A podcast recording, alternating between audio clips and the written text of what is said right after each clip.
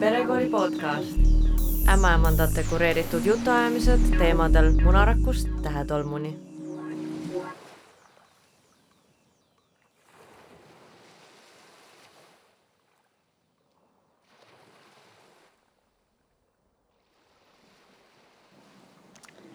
no tere, mina olen Sofi Dragunevitš, olen ämmaemand äh,. olete kuulamas Perekooli podcasti ja täna olen mina külas. Ja meie, meil on siis külas Nele Tasane. tere, Sofi. tere, Nele tere. et äh, oled fotograaf äh,, sünnifotograaf või kuidas äh, nimetaksid ennast? tead äh,, ma nimetan tegelikult niimoodi, et ma olen lastefotograaf ja mu käest on hästi palju küsitud seda, et mida sa siis täpselt ikkagi pildistad ja, ja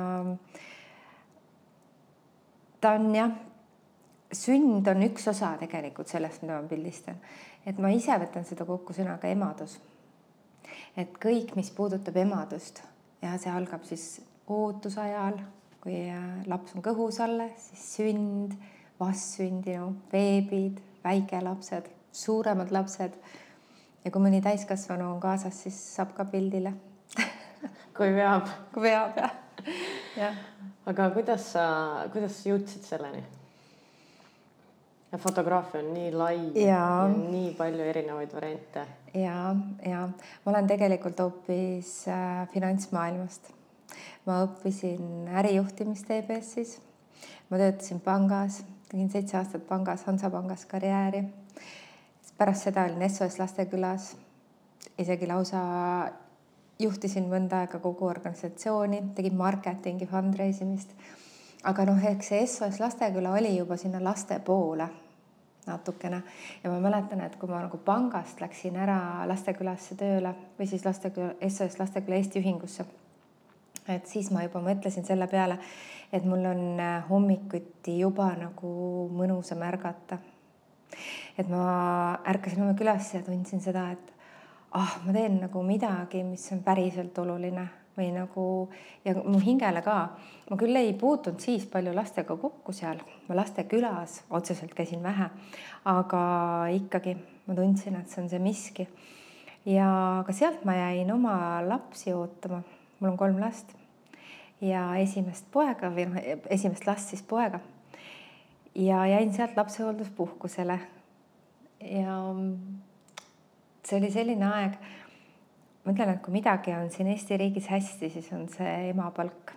et äh, see oli selline aeg, kus mul oli justkui võimalus teha siin elus kannapööre, ma ise ei teadnud, kuhu ma seda pööret tahan teha, aga ma tundsin, et kõik see finantsalane haridus ja, ja ütleme nii, et see suur pangamaja ja ka see suur organisatsioon, rahvusvaheline organisatsioon, mis SOS Lasteküla oli, et see kõik oli nagu mu jaoks nagu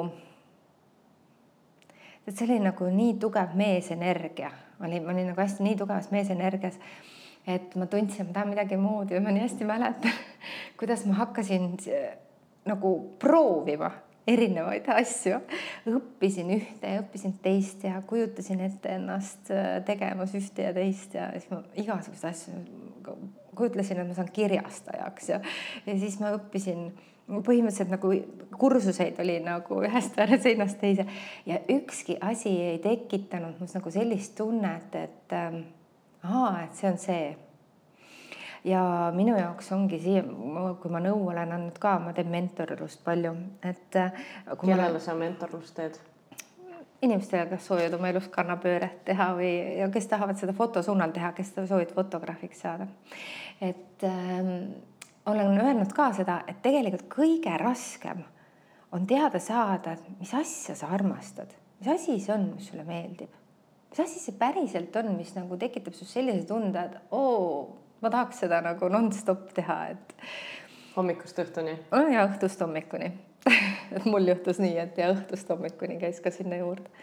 et äh, aga kui see on nagu südames ära tuntud ja see peab nagu kuidagi südames olema ära tuntud, et ma nagu märkasingi seda, et nagu mitu aastat ma nagu proovisin leida seda, aga see oli kõik mul nagu mõistusega ma lihtsalt nagu otsuse pealt jälle proovisin õppida midagi, äkki see meeldib, ei. aga oled nagu südame pealt ära tundnud siis see nagu hakkab nagu lumepall, lumepall veerema ja, ja sa tunned selle, no sa tead nagu ilmeksimatult, et see on sinu tee.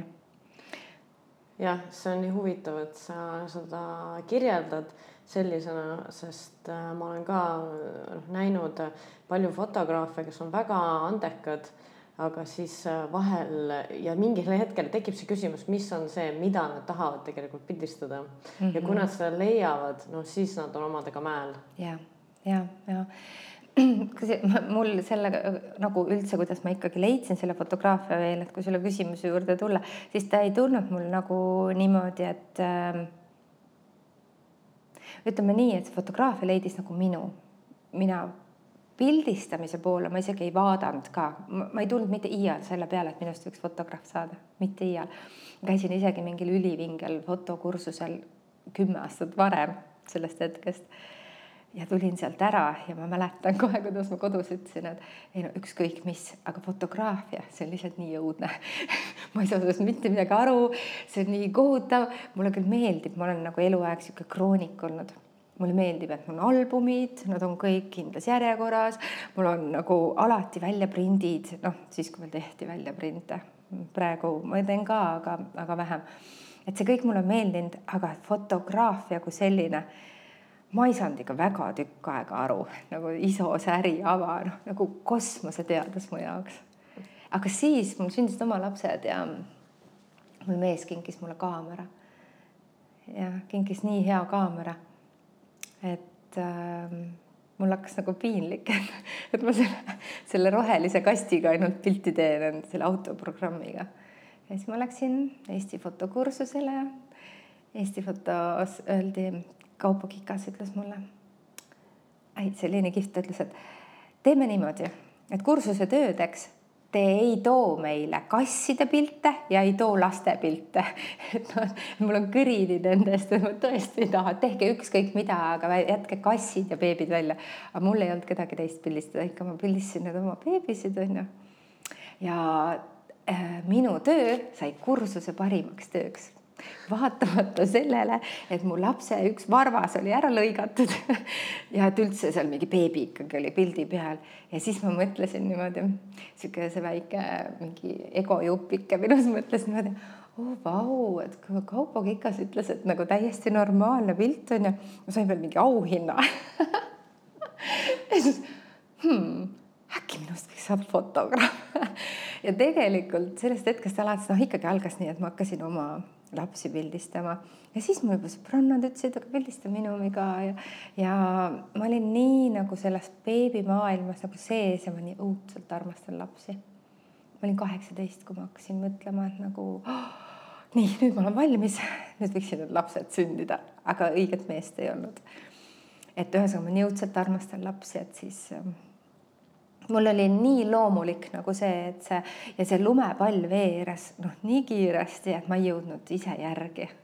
ja selleks ma ütlengi, et mul läks nagu ööd ka, ma, ma olin nagu päeval pil,, päeval pildistasin, noh, lugesin, et laste une ajal kõik käis nagu niimoodi hull optimeerimine oli ja siis öösel, kui lapsed magama panid, siis õppisin, lugesin, katsetasin.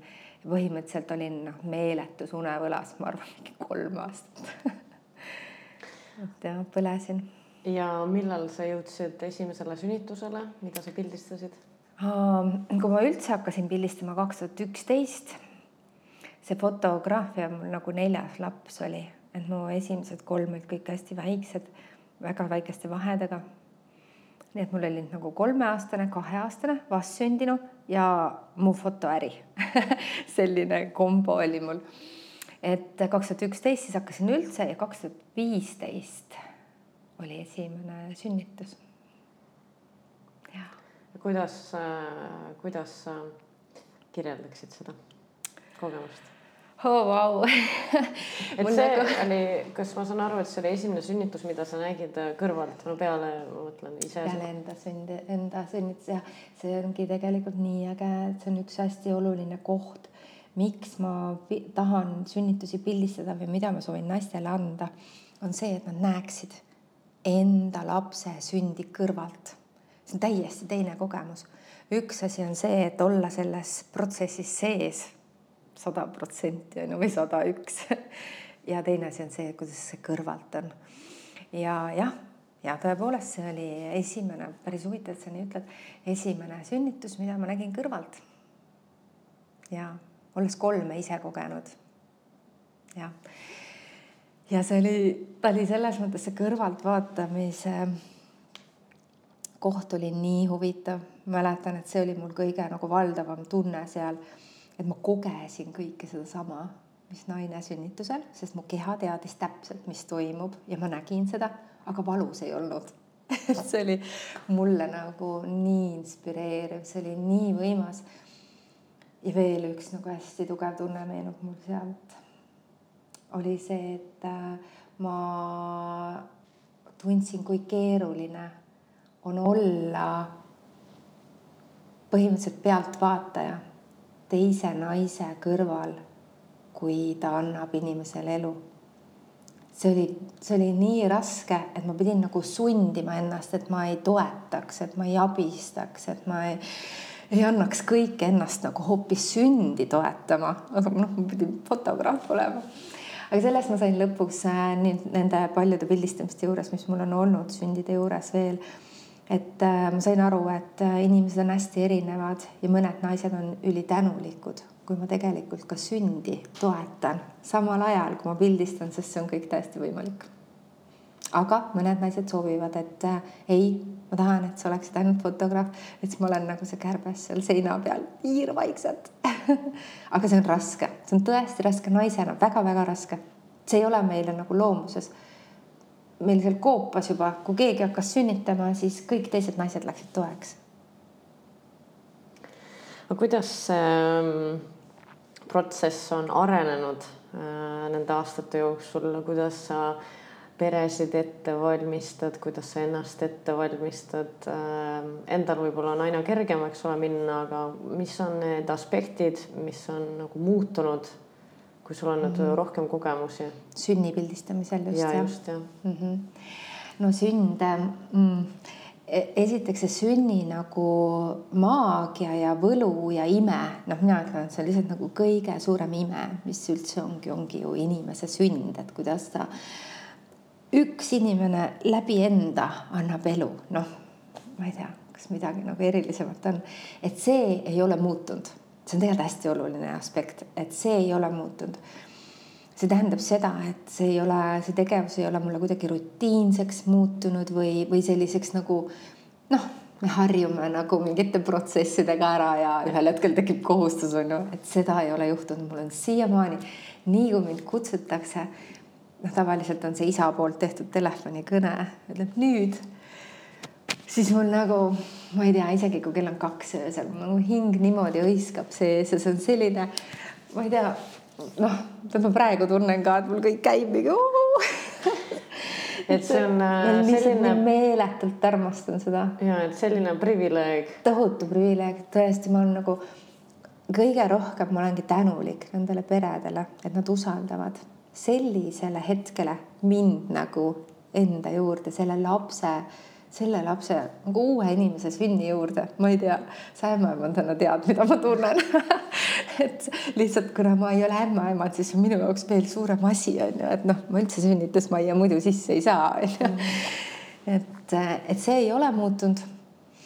aga muutunud on tõenäoliselt nagu minu enda see workflow või nagu tööprotsess, et äh, ma oskan olla nagu veel vaiksem, ma näen nagu ära selliseid kohti, kus äh, ma võin täiesti eemalduda tegelikult, kus ma ei ole nagu enam võib-olla nii pinges, võib-olla niisuguses tehnilises pinges, et. ma saan aru, mis sa mõtled. ja et see sünd valdavalt siiski toimub nagu sellises hämaras äh, ruumis või vai, vaikses ja hämaras tingimuses, aga fotograafia on valguse ja varju kunst ja kui valgust ei ole, siis kujutist pildile ei jää.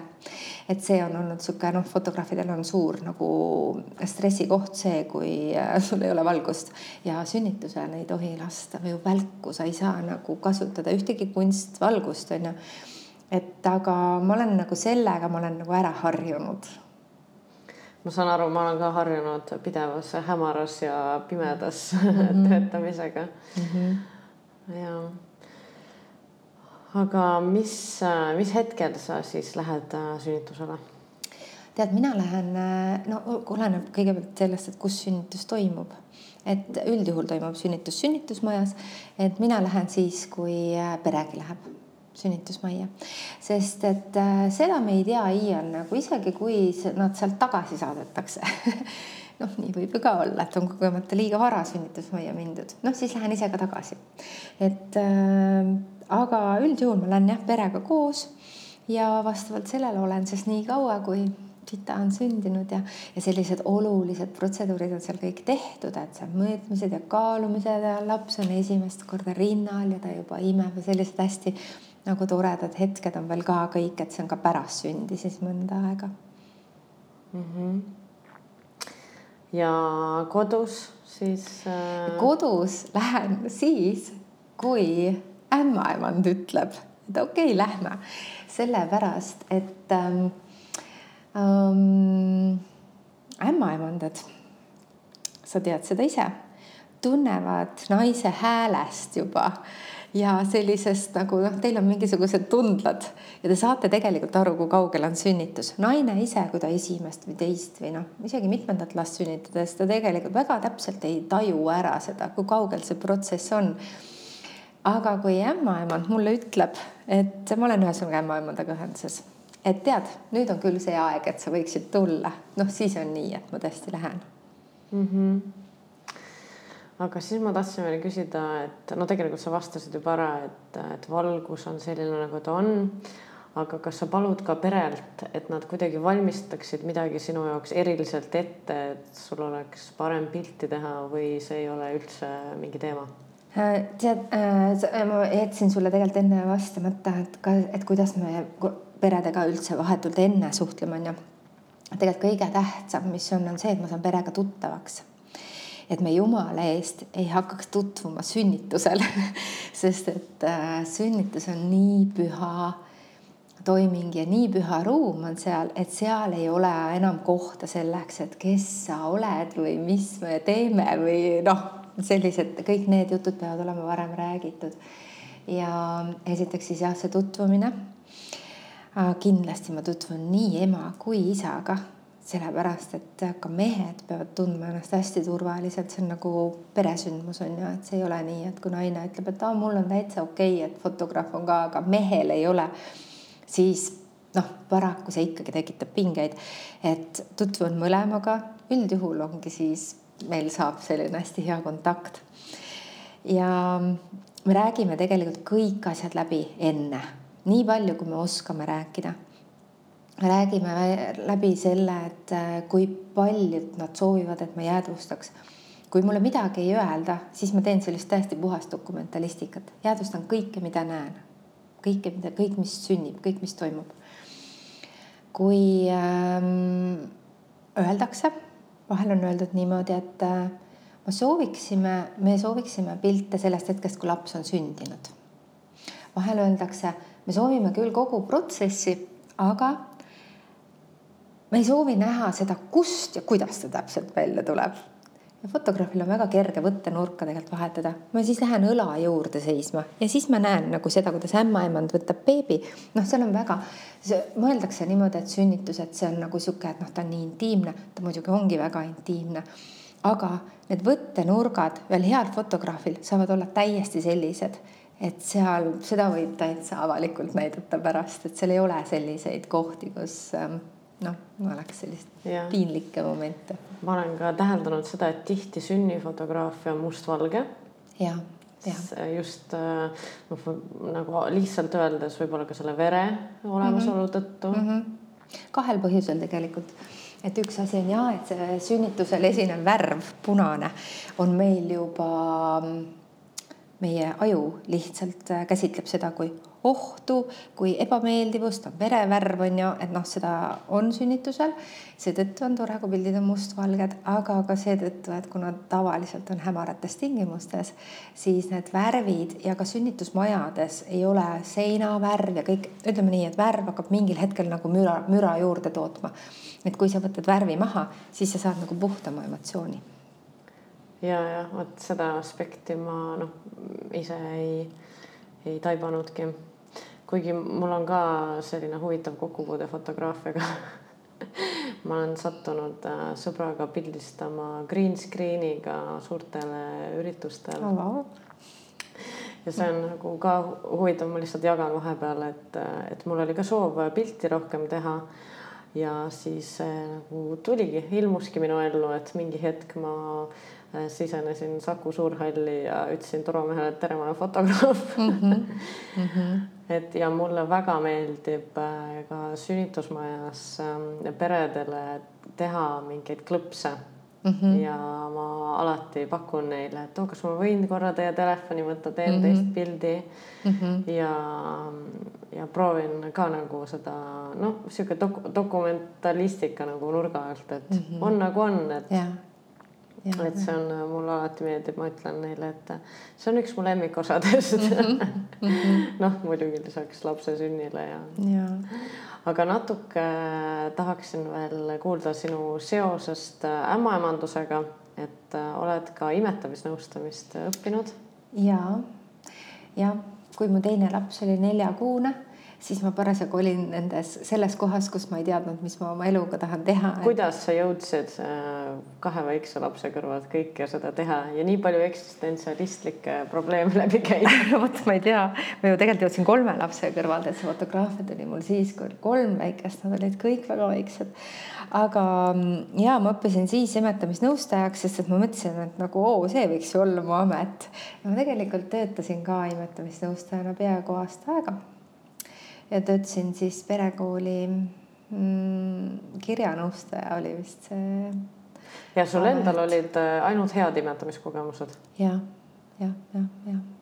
jah, mul on endal olnud head äh, sünni ehk sünnituse kogemused ja head imetamiskogemused.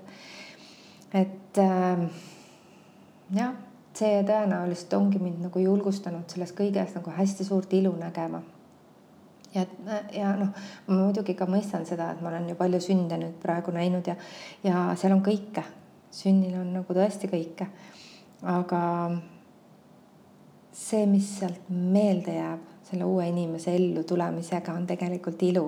Ja mul on oskus seda ilu näidata, isegi kui seal on ka kõike muud et see ja jah, imetamiskogemus ka, imetamisnõustamiskogemusega ka, et siis ma aasta aega tegin seda tööd, seal oli ka kõike.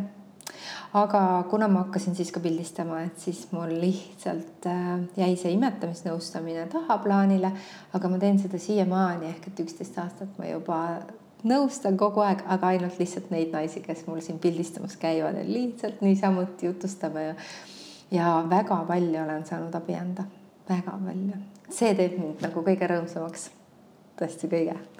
et ma ei vajagi nagu seda imetamist, nõustamist kuidagi nagu ametina, vaid kui ma näen, et ma lihtsalt saan aidata väga paljusid beebisid nagu aidata rinnale, kes on kunsttoidu peal olnud juba mõnda aega. et siis lihtsalt julgustades. aga mis äh, on siis äh, kuidagi, kas sa saaksid, äh, võib-olla liiga raske küsimusega, et välja tuua, mis on kõige suuremad väljakutsed äh, nii-öelda meie Eesti naistel, kellel ongi see emapalk, eks ole, noh, see hetk, hetk poolteist aastat olla kodus lapsega, et mis on nende kõige suuremad väljakutsed imetamisega hmm,? ma ei tea tegelikult niimoodi ma ei oska seda öelda. ma tean, ma võin rääkida, mis küsimustes minu poole pöördutakse, aga ma ju ei tea, kui valdav see on või. et äh, noh, mida mina näen, on üks selline aspekt, et äh, naised on natuke hirmul ähm, ma isegi ei oska seda öelda nagu äh, võib-olla see hirm on paha sõna, aga, aga nad äh, ütlevad, et ma tahaksin kindlasti kõik õigesti teha. ja kuna informatsiooni on väga palju, väga palju ja, ja ta on nii vastuoluline, võib see informatsioon olla, siis ollakse hirmul ja ei usaldata võib-olla nii palju iseennast, oma keha, last ja minnakse päris kergesti sellist ähm, kunstlikku teed um,. olles ise õnnetud selle juures, aga tundubki nii, et need esimese lapse vanemad nii sagedasti ütlevad, et ah, vahet pole, peaasi, et laps saab kõhu täis, ma igaks juhuks annan talle seda kunstpiima, mis siis, et nagu ise olen kurb ja öösel pean pudelitega möllama ja, ja kõik, aga noh, igaks juhuks, et just see usaldus nagu eneseusaldus on minu arust nagu palju vähemaks jäänud, kui see kunagi oli, noh ja kindlasti meie vanematel pidi ta veel eriti suur olema, sest et siis sul keegi ei öelnudki mitte midagi, no sa pididki kõike ise aru saama, mida sa teed, on ju. lihtsalt infot Liht... ei, ei, ei olnud. ja, ja see oli noh, oligi see, mida sa tundsid ja, aga see meie enesetunnetus on nagu järjest nagu nõrgemaks läinud, on ju. Mm -hmm., tänu selle informatsiooni küllusele, et see võib olla, et rohkem usaldaks ennast. Jah, tegelikult see mm, imetamine on ju ka, toimib tänu oksütotsiinile ja oksütotsiin on selline häbelik hormoon mm -hmm. ja armastabki seda sellist hämarust ja mm -hmm. soojust ja no erinevaid asju, aga sellist ja. lõdvestumist äh, niimoodi nagu lihtsalt öeldes. jah, ja. et seda sa kindlasti näed äh, oma töös ka. näen näen tahtsin siis ähm, kuulda mm, mingit äh, sellist äh, südamlikku äh, lugu sünnitusest või miks ka mitte mõnest pildistamisest, mis ei ole sünnitusega seotud, aga midagi sellist erilist. üks väga eriline sünd toimus teisel mail vabandust, kui ma ütlen valesti või kolmas mai kaks tuhat kakskümmend aastal. see tegemist oli kodusünniga. ja kell oli nelja paiku või neli nelikümmend vist oli äkki hommikul vara. päike juba paistis, sest maikuu oli hästi-hästi ilus. ja naine helistas mulle ja ütles, et tead, vist sünnib sündima pidi neljas laps, neljas poiss. mina olin kesklinnas, tema oli Tabasalus. ja kuna ma tean, et need neljandad ja kolmandad ja isegi teised, sa tead ka, on ju, sünnivad üldjuhul kiiremini kui esimene, et siis äh, ma väga nagu pikalt ei viivitanud põhimõtteliselt nii palju, et tõusin üles, pesin hambad, kammisin juuksed, panin riidesse ja sõitsin. Kui ma kohale jõudsin, siis tegi mulle ukse lahti tema viieteistaastane poeg, kes äh, samal ajal toimetas, pani, lasi vett vanni ja noh, sättis seal asju. ja siis ma küsisin, et kus su emme on siis emme on praegu seal äh, vannitoas. Äh, kuulsin, et ta tuhutas seal siis küsisin, aga kus su, kus siis laps, sündiva lapse issi on oh,? Ta on teel. Sest ta oli Pärnus. teel Pärnust, ma ütlesin, okei okay,, aga kus ämmaemand on? ämmaemand on, kohe tuleb, noh, kõik olid teel, onju mina mõtlesin, et noh, ega minu kogemused ei ole ka, et kunagi, et nii kiired on olnud, et alati ikkagi noh, läheb tunde läheb sünnitused ja vesi sai vanni, aga me veel istusime ja ajasime juttu. tuhud olid päris siuksed äh, regulaarsed. ja naine läks, ütles, et ta läheb, käib korra vetsus ära. me aitasime ta pojaga, ta, teised pojad magasid üleval, aitasime selle suurema pojaga, et ta läks vetsu, panime ukse kinni. siis ma kuulen, et tuhu, et okei okay,, et ta tuleb kohe tagasi hakkas tagasi tulema, tegi ukse lahti ja ma nii mäletan, seal vetsu ukse peal niimoodi seisis ja ütleb, tead, ta sünnib sellel hetkel ma ei tea, kuhu ma selle kaamera viskasin kaamera lendas kuskile ja ma olin noh, kahe-kolme meetri kaugusel ja ma põhimõtteliselt hüppasin niimoodi, et ma jõudsin käed alla panna ja see poisslaps libises niimoodi ühe hooga mulle käte peale. Päris suur poiss isegi, neljakilone ja ta tuli sealt niimoodi välja, et ja see oli nagu nii armas, nii tore oli kõik. meil ei olnud kummalgi hirmu selle eest, siis me aitasime seda pojaga, aitasime ta pikali, kõik see pesa oli valmis tehtud. Eh, siis panime lapse rinna peale ja see kõik oli nagu nii normaalne, pärast, pärast mu käest on hästi palju küsitud, et kas sul nagu hirmus ei olnud või midagi. Ma ei tea, meil kummalgi ei olnud, see oli nagu, kuna me oleme mõlemad naised, kes on sünnitanud varem, siis see oli, meil oli kuklas oli kogu see informatsioon, mis me peame tegema, kuidas käituda. mul oli nagu ainus asi, mis äh, tekitas must küsimuse oli see, et hmm, huvitav, et kui mul ei ole nagu nabanööri nagu millegagi siduda, mis asi see võiks olla, millega ma võiksin siduda, ma guugeldasin seda. See oli nagu tore, aga kaalusin, ma hästi, nii hästi mäletan, kaalusin teda käte peal, vaatasin, et kuule, minu arust on kolm pool kilo pärast ämmaemand võttis, oli üle nelja tegelikult, et ikka valesti. kaalumise vilumus suureneb, kui sa teeksid seda iga päev. no no selles mõttes ma teen, ma hoian kogu aeg neid veebisid ju käte peal, kui ma pildistan, ma vastsündinud pildistan, noh siis, kui nad on juba siin stuudios mul siuksed kümnepäevased et oma arust ma arvasin, et mul on see tunnetus, ikka poole kiloga ei olnud. Et ähm, hästi nagu jah, see oli nagu nii hoitud ja nii nagu ja kusjuures ähm, olles nagu ämmaemanda rollis või siis ma ei tea, kelle rollis, lihtsalt lapse vastuvõtja rollis on. Ei unustanud ma tegelikult ära pildistamist, see oli ka väga äge, et ma jõudsin ka pilte teha, et ma siis leidsin oma kaamera sealt kuskilt üles onju, et tegelikult nagu sai kõike, et sain lapse vastu võetud ja sain pildistatud ja nagu tegelikult kõike ja siis ühel hetkel tuli ämmaemand ja siis ta küsis mu käest mingeid küsimusi ja ma ei tea, kust mul see veel tuli, aga ma olin ikka kõik kirja ka pannud, ma olin pannud kellaajad kirja, nii sünni, siis ma olin isegi apkari hinde pannud. Kui keegi mu käest küsiks, siis minu arust on kümme kümnest. Ta tõesti oli ka, et läks kenasti.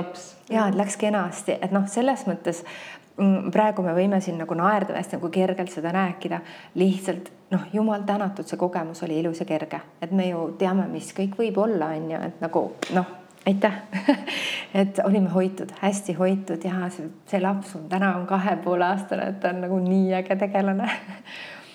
Et sihuke väga, vot see on sihuke tore, hästi sihuke no kindlasti meelde jääv sündmus. no see on nii ilus, et sa nagu selle lõppu ka nagu kokku võtsid, et see just, et tuleb tänulik olla, et tuleb kõik läks kenasti. Ja... kõik läks kenasti, et, et noh, mina ei ole ka nagu seda meelt üldse, et see peaks, et kuidagi sündi võiks nagu niimoodi kergekäeliselt suhtuda. mulle ka, ma olen ka kaks last kodus sünnitanud ise, ühe lapse sünnitusmajast, kaks kodus aga ma olen kindlasti seda meelt, et see peab olema väga hoitud ruum, seal peavad olema juures inimesed, kes on professionaalsed, kes oskavad, kes teavad ja, ja kui on vaja, siis on vaja kindlasti ka sünnitusmaja minna, et see ei ole nagu sihuke mustvalge, ei ole. kodusünde pildistamisel on mul olnud äh, umbes pooleks nende sünnitusmaja pildistamistega, aga ma võin öelda, et nad on väga sarnased siiski. Lapse sünniime on igal juhul ime. Et see on nagu väga-väga kihvt, et äh, võib-olla jah, sünnitusmajades on nagu rohkem inimesi või tegelasi käib sealt nagu pildilt läbi, et kodus on ta sihuke, on ämmaemand, on tuula, on isa, on olnud veel tegelasi seal tegelikult, vanaema aga kuidas see, noh, võib-olla sinu hinnangul see viieteistaastane poeg äh, selle olukorraga toime tuli?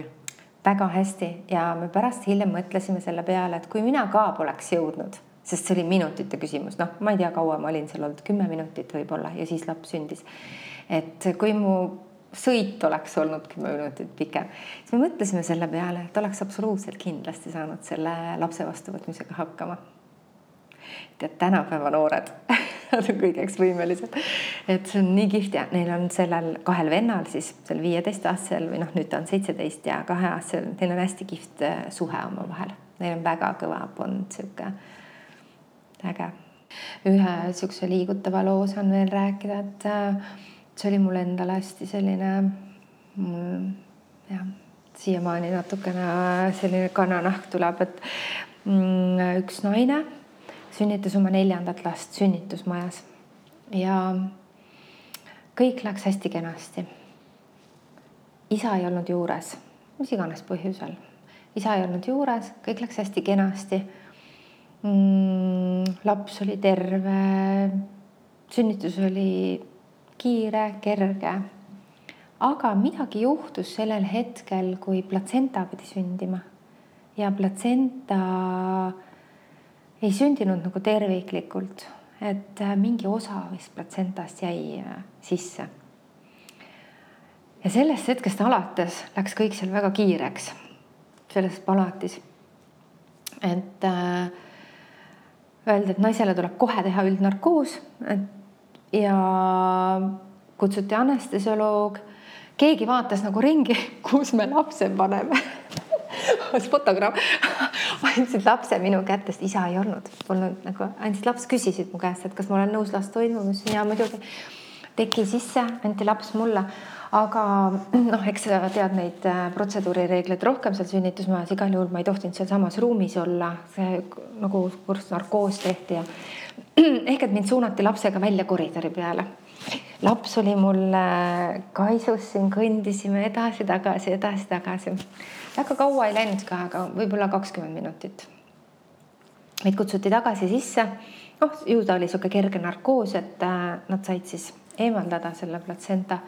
naine hakkas ärkama, laps pandi uuesti tagasi tema rinnale. kõik oli korras. ma ei saanud tollel hetkel isegi aru, et midagi võiks olla nagu kuidagi eriline siin, et siin oli nagu noh, oli lihtsalt üks protseduur, mis tuli teha ja kaks päeva või kolm päeva lausa läks mööda. ja siis see naine kirjutas või helistas, ma ei mäleta, võttis ühendust, et äh, ja küsis, et kuule, mul on nagu väga suur mure sellega, et kas sa tead, mis mu lapsega toimus siis, kui mina olin teadvuseta. et ma mäletan ainult, et äh, ta sündis. tähendab, et ta ütles isegi niimoodi, et ausalt, ma olin talle pildid valmis juba teinud ma tegin, ma teen alati sünnitusest päris kiiresti pildid. et olin talle pildid valmis teinud. esiteks ta ütles, et tead, nagu ma väga tänan sind selle eest, et äh, mul on need pildid, mis annavad mulle teadmise sellest, et see laps sündis minu kõhust. sest ma ei mäleta pärast narkoosi ja väga hoitaval kombel, ma ei mäleta mõnda aega ka enne narkoosi, et see mõjutas tema mälu niimoodi, ta ütles, et kui tal pilte ei oleks, siis tal oleks täiesti ebareaalne tunne, et kust see laps talle tulnud on. mis oli minu jaoks selline noh, nagu väga oluline koht, et ma ei tee lihtsalt ilusaid pilte, vaid mul oli nagu põhimõtteliselt nagu eluks oluline see, et oli tehtud see fotojäädvustus, et kuidas ta sündis, mis toimus, ehk see naine sai taastada nende fotode pealt oma mälestuse aga teine oli see, et ta ütles, et jah, et aga laps oli üleni lootevõidega koos ja ma pildi pealt ka näen, hästi paksu lootevõidega oli laps koos ja ma pildi pealt ka näen, et on, aga kui ta mulle tagasi toodi, ta oli täiesti puhas. Et kas sa tead, mis temaga tehti, kas teda pesti, kas teda nagu, kus ta, kas ta oli üksi kuskil? Ja mõtle, ma sain talle öelda, et tead, ei, kallis ta oli kogu aeg minu kaisus, keegi ei pesnud teda, mitte midagi, see võie läks temasse nii kiiresti sisse lihtsalt. Ja ma sain nagu anda talle sajaprotsendilise garantii. su laps on olnud kogu aeg nagu sinu läheduses, minu süles, keegi pole teda ära võtnud, midagi ei ole tehtud. et vot sellised asjad, mis on nagu noh, mõtled, et noh, alguses lepime kokku, et ah, teeme lihtsalt ühed pildid, aga tegelikult on see fotograafi roll võib olla nii palju suurem hoopis. jah, kas nagu toetusel või siis niimoodi sellises olukorras, kus ei ole kedagi teist, ei olnud isa parasjagu sellel hetkel on ju. no sa kirjeldasid seda protseduuri nii hästi et tegelikult see ongi üsna noh, lühike mm. -hmm.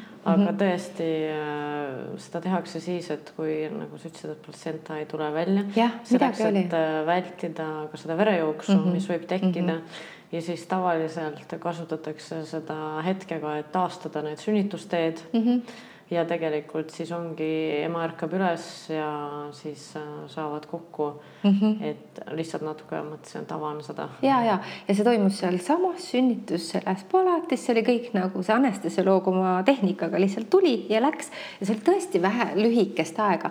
aga no vot, ma ei tea üldse, kui kauaks, võib-olla see mälu taastus seal ka kohe, aga noh, paari päeva jooksul oli tal nagu natuke selline segadus, et noh, ta ei mäletanud teadvuseta oleku aega, aga nats ka enne ja nats ka pärast, et noh, vaata, võib-olla see seal taastus kah onju. ja, aga see on nii äge, et, et sa said talle pakkuda seda, seda infot see oli tõesti noh, ma noh, noh, sellised hetked on, ma olen lihtsalt nii tänulik nagu, et mul on võimalus, see toetus on nagu hindamatu. ma arvan isegi, et see on nagu hindamatu. ei oska nagu arvata, et äh, selliseks võib pöörata nagu see üks pilt. jah, et, et, et see on see nagu kõige õigem asi, mis sellel hetkel nagu vaja mm -hmm, on inimesele on ju ja just.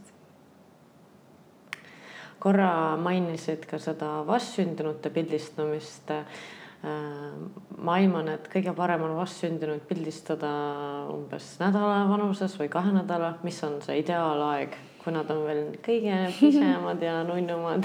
tead, tegelikult nad on ju pisikesed ikkagi päris kaua. Äh, see on üks selline huvitav ähm, arvamus, mis on kujunenud ja tulnud fotograafidelt, et neid peaks pildistama nagu kümnel, esimesel kümne päeva jooksul. ja see on tekkinud sellepärast, et ähm, vastsündinud pildistatakse erineval moel ähm,. nii nagu mina pildistan, mul on mingi väga kindel mõte, miks mina pildistan nii, nagu mina pildistan siis ei olegi nii suurt vahet, kas ta on siin kümnepäevane või on kolmenädalane või on isegi pooleteistkuune mina saan oma töö ikka tehtud. aga pildistatakse ka teistsugusel moel, kus neid pannakse sellistesse poosidesse, mis ei ole lapsele omane. ja siis ta peab hästi sügavalt magama, sest vastasel korral beebi ei taha sihukeses poosis olla ja siis on tõesti fotograafil kergem, kui ta on niisuguse kuni kümnepäevane, magavad päris palju. aga minu pildistamist see ei puuduta et mina pildistan täiesti niimoodi, et ma võin terve esimese elukuu jooksul täiesti vabalt neid esimesi pilte teha, et see, ma ei pane kunagi beebit sellisesse asendisse, mis talle ei sobi. ja ma proovin hästi mm, jälgida seda, et see beebi jääks pildile täpselt sellisena, nagu ta on, nagu aus värk ikka. täiesti aus värk, aga mitte võib-olla ka nii aus, sest et äh, vahest ma sätin nii, et ei oleks näha, et on sätitud. kui sa saad aru. no see ongi, see on ju see kunst, eks ole, mis ja. sa teed, sest et ja. muidu me saaks ju kõik teha pilti sellistena, nagu nad on ja,. jah, jah, et ja mind viis nagu selleni üks tegelikult üks päris kurb lugu. Õnneks, õnneks, õnneks ei ole see minu lugu see oli mu õpetaja lugu, ma käisin äh, Prantsusmaal üks austraallanna tegi Prantsusmaal Pariisis ühe vastsündinute koolituse. Ja ma käisin seal õppimas. Ja siis tema rääkis sellest, et äh, tema pildistas ka niimoodi. ütleme nii, et see beebide pildistamine on tulnud Ameerikast. Kuskil kaks tuhat seitse, kaks tuhat kaheksa hakati pildistama, varem ei pildistatud isegi Ameerikas beebisid mina olin põhimõtteliselt esimene, kes Eestis hakkas, kaks tuhat üksteist. päriselt, mul on praegu ja. nii suured silmad. päriselt ja täitsa päriselt, et beebisid siis, kui mina hakkasin kaks tuhat üksteist, siis mulle ju öeldi niimoodi, et äh, no ma ei tea, sa oled küll omale imeliku ameti valinud, et leiba sa küll lauale ei too. et kes tuleb beebiga pildistama fotograafi juurde, mis asja aga kuna noh, mul oli tollel hetkel ükskõik, mina mõtlesin, et ah, mina tahan seda teha, mis ma tahan ja lihtsalt tegin ja see läks käima. aga ähm, käisin seal koolitusel ja ka see austraallanna oli õppinud täpselt niimoodi pildistama, nagu Ameerikas pildistati ja Ameerikas pildistati niimoodi ja pildistatakse praegu ka ja see on väga vahva. lihtsalt mina ja tema ei tee niimoodi, aga paljud teevad Äh, on mingid sellised hästi kindlad poosid, siuksed äh, näiteks käed lõua all. näe, sa täpselt oskasid panna. Käed lõua all või niimoodi mingisse kartulikotti nagu pandud või niimoodi. Jah, hästi. No ühesõnaga seitse kindlat poosi, kõikidel poosidel oma nimed, noh, tead sihuke by the book on ju.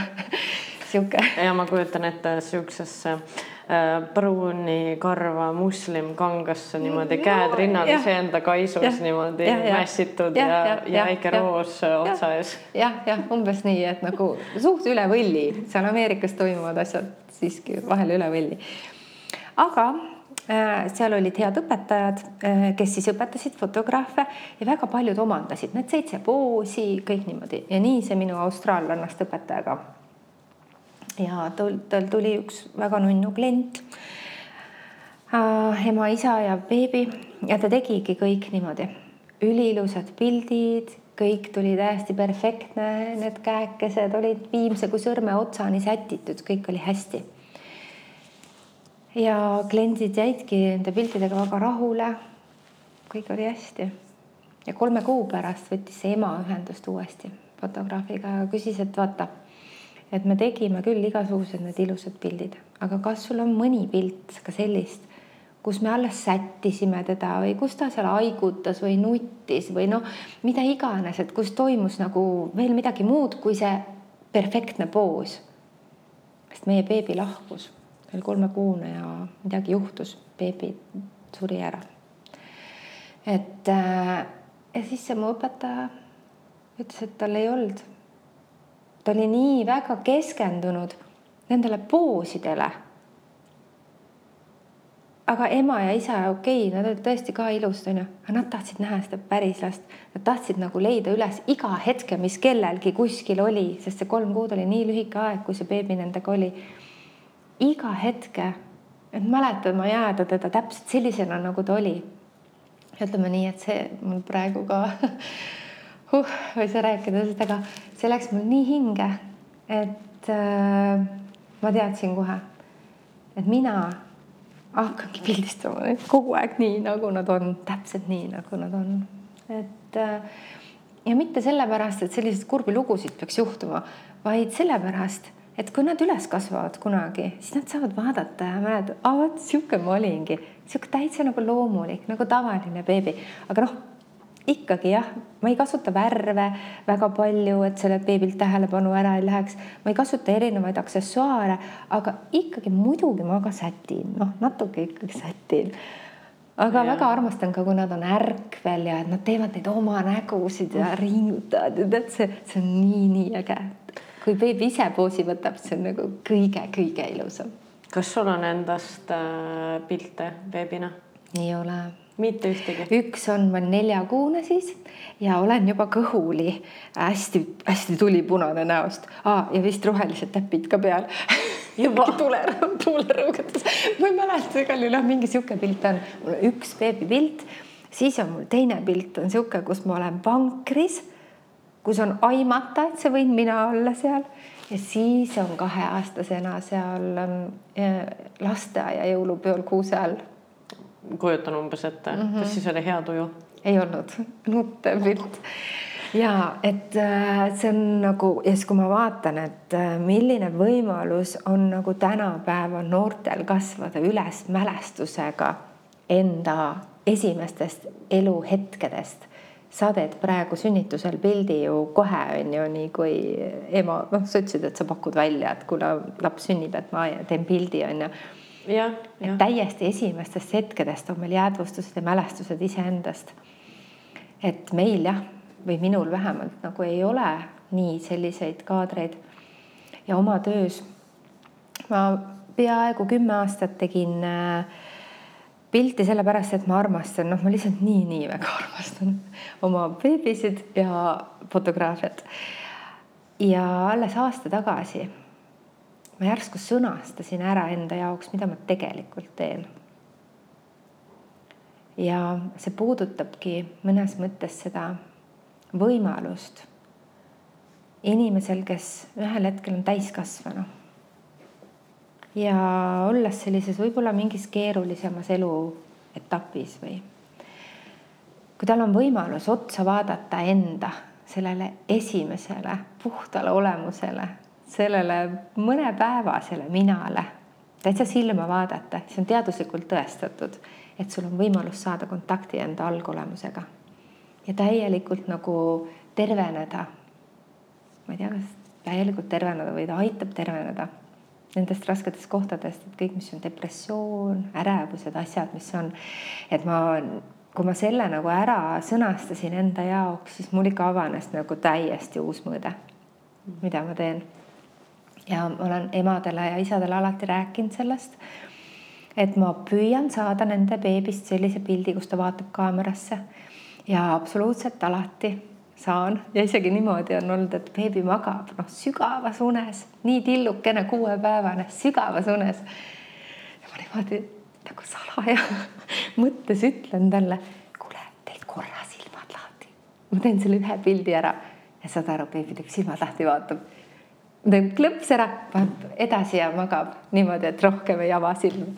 et nagu põhimõtteliselt peaaegu alati saan ja nii äh, mõnus, äh, kuidas äh, õhkad enda tööst. no täiega õhkan jah. rõõmu ja sügavust ja tähendust ja seda jagamist, mis sul nende ja. peredega nendel, nendel hetkedel on. minul on ka vist kaks pilti endast, üks on ka niimoodi vankris mm, -hmm. võiks olla mm -hmm. ükskõik keegi mm. -hmm. ja teine on hästi armas, ma olen nii tänulik selle foto eest. ma arvan, et ma olen umbes ähm, kahekuune mm, -hmm. ma olen selili ja tegelikult selles joogases happy baby pose. jalgadest hoian kinni ja naeran.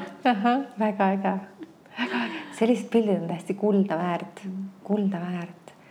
Ja noh, tänapäeva emadele ma pean kogu aeg ütlema seda noh, kes minu juurde pildistama tulevad, nendega on juba hästi. aga ma pean kogu aeg ütlema seda, et kui te teete enda beebidest pilte, te peate neid välja trükkima. Te ei saa jätta neid telefoni, sest et siis nad on kadunud. Nad on sellesse digiprügisse teil lõpuks täielikult kadunud aasta aega veel vaatad ja mäletad, et kaotad telefoni ära, siis pole sedagi onju. no okei okay,, on mingid back-up'id äkki iCloudi no, see storage on täis, pildid no, kadunud. ja et, et ja need lapsukesed ise tahavad vaadata oma pilte, nemad ei taha, nad ei tule, keegi ei lähe telefoni vaatama ühel hetkel pilte onju. midagi tuleb teha, mingid albumid, mingid asjad seina peale mida iganes, noh, tänapäeval on nii palju võimalusi. ja ma arvan ka, et see on väga hea soovitus äh, lapsevanematele mm. -hmm. jah. Lapsevanematega ja lapsevanemaks olemisega seoses äh, on sul mingi lemmikmüüt, mida sa tunnistad enda elus või mida sa äh, oled mõelnud? ja issand, enda nagu nende emaks olemise esimesel aastal, ma võin öelda tagasi vaadates. issand, seal on nii palju, mida ma kõik olen ära tunnistanud ja mida ma tahaks kõigile jagada niimoodi, et ärge jumala eest samamoodi tehke. aga me kasvame tegelikult kõik, need on meie kasvukohad ja me käime, koperdame nendes kõiges. aga mingid siuksed naljakad võib-olla asjad, et noh, mida ma mõtlesin, et näiteks ma mõtlesin niisugust asja, et kui ma hoian oma last päeval rohkem üleval, et siis ta öösel rohkem magab olen kuulnud. selline tüüpiline kuidas, mõtlemine on ju. kuidas õnnestus? vot ähm, minu siis ähm, õppetund, mis ma sain ja mida ma võin jagada kõigile teistele, on see, et mida rohkem laps magab, seda rohkem laps magab see on endagi puhul vahest niimoodi, vaata, kui sa satud sellesse une, sellesse, et oh, juba hilja ärkad ja oh, jälle juba tuleb uni peale, mida rohkem magad, see rohkem magab. et kui äh, niimoodi kunstlikult üleval hoida, siis me tegelikult ju stimuleerime hoopis närvisüsteemi lapsel ja kõik läheb hoopis ärevamaks ja selliseks, et see, see on selline huvitav väike viga, mis ma olen teinud siis muidugi väga suure vea, mis ma kohe alguses sisse lasin oli see, et äh, ma arvasin, et kõik läheb edasi samamoodi. mul sündis laps, esimene laps, et kõik läheb edasi samamoodi, lihtsalt üks inimene on juures. nagu see oli väga vale arvamus põhimõtteliselt võeti mult ära nagu kogu minu enda elu, sealhulgas võime, võimalus hambaid pesta hommikul sellepärast, et mul lihtsalt ei olnud aega mitte millekski. aga ma mingi siukse nagu rumala järjekindlusega proovisin mingeid enda rutiine ikka jätkata või noh, nagu ikka enda plaanid ja asjad, et noh, justkui kaasan selle lapse nendesse plaanidesse. see tekitas meeletut stressi, meeletut. et tegelikult kõige parem nõuanne, mis anda, ongi see, et lihtsalt lase täiega vabaks, unusta enda soovid ja vajadused ära küll sa saad need tagasi, iga päevaga hakatakse järjest rohkem sulle tagasi andma. aga algselt pead kõigest lahti laskma, sest siis saad olla nagu täiega rahus või noh, oled sellesse, lähed sellesse beebitsüklisse, mis on niisugune suvaline on ju, et magab nagu beebi ei tähenda mitte midagi head, on ju, et see beebitsükkel on niisugune üles, ärkvel üles tuttu suvaaegadel. ma ei tea, kes selle väljendi üldse välja mõtles. ma ei tea, see on väga, see on kõige jaburam välja, väljend. aga mis, mis sa arvad, Nele, kas need inimesed, kes vähem rutiini armastavad, kas neil on lihtsam see lapsevanema roll äh, kiiresti vastu võtta mm,? ma arvan jah, see, et siis on ka vähem kontrolli. mida vähem kontrolli, kui suudad kontrollist vabaks lasta, see on kõige raskem asi, on ju, see on kõige raskem asi, siis seda lihtsam on tänapäeval on, oleme kõik nii analüütilised, tahame kõike ära lahterdada, ära organiseerida mm, -hmm. see sahtel ja. on selle jaoks, see hetk selle jaoks. ja nii on. tahame kõike teada tahame ette juba teada, et kõike õigesti teha. sest me armastame oma lapsi nii palju, me tahame õigesti teha. ja et äh, see soov on ikka noh, ilus, et tuleb lihtsalt endale aega anda ja enda vastu hell olla, on ju. ja, ja, ja noh, et see, ega siis ongi, et noh, laps sünnib, aga sellel samal hetkel sünnib veel nii palju tegelasi, sünnib ema, sünnib isa, sünnib mõni õde, vend, tädi onu, me kõik nagu sünnime selle ühe lapsega, sünnib nii palju rolle. et äh, meil keegi ei tea, mis tähendab olla ema rollis nüüd. Oh my god, see on mingi, see on kõige suurem nagu vastutus ja amet, mis nagu üldse on, milleks meid ei ole valmistatud ja seetõttu on see selline kõik nagu iseõppimine. ja muidugi tekitabki sellist noh lihtsalt öeldes paanikat, et appi, kuidas ma selle kõigega hakkama saan. vot see on normaalne, see on normaalne, aga jah, püüda nagu ja see usalduse koht, vot see on nagu see, mis ma enne jagasin, et seda jääb kuidagi järjest vähemaks naistel. et usaldada iseennast ja oma beebit. ja keha ja kuulata, kuulata oma beebit ja kuulata oma keha. ja see on nii ilus sümbioos on ju ema ja lapse kehad ja hinged, nad nagu töötavad noh, täiuslikult sümbioosis, täiuslikult, aga seal peab olema sada protsenti lubamine. et näiteks nagu selle hea imetamissuhte juures on ju, et kõik toimib täiuslikult, kui ema vastab alati beebi kutsele või ütleb, et ahah, ma tahan süüa, ah, ma annan sulle süüa. Ja lubab beebil süüa nii kaua, kui ta tahab ja ei vaata selle juures kella noh, ei vaata ka kella niimoodi, et näiteks, et oo, kuule, sa tund aega tagasi alles sõid, ma praegu ei anna sulle.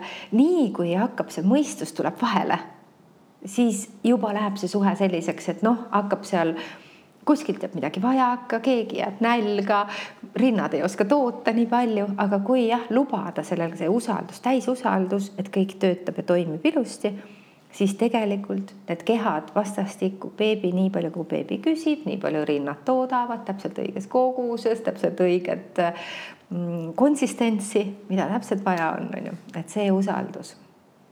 jah, ja see on nii imeline, see masinavärk, et see noh, me ei seleta seda mitte kunagi ära, lõpuni ära et mis toimub. see on nii huvitav, kuidas üks asi võib olla nii lihtne ja nii keeruline ja. samal ajal. jah ja, jah, sest loomulikult on ka, ongi täiesti imetamisnõustajad peavad eksisteerima need ametid, sest et seal on ka väga selliseid kohti, mis tõesti füsioloogiliselt mingipärast ei ole kas beebil lihtne rinda haarata või on naise rinnad sellise kujuga, midagi on, mis vajab abi. et see on ka kõik okei okay,, et see kõik puhtalt usalduse pealt ei toimu, aga see usaldus on siiski nagu esmatähtis, ta võiks selle alus olla ja nii äh, mõnusad vaated on sul sellised nagu helged ja samas realistlikud.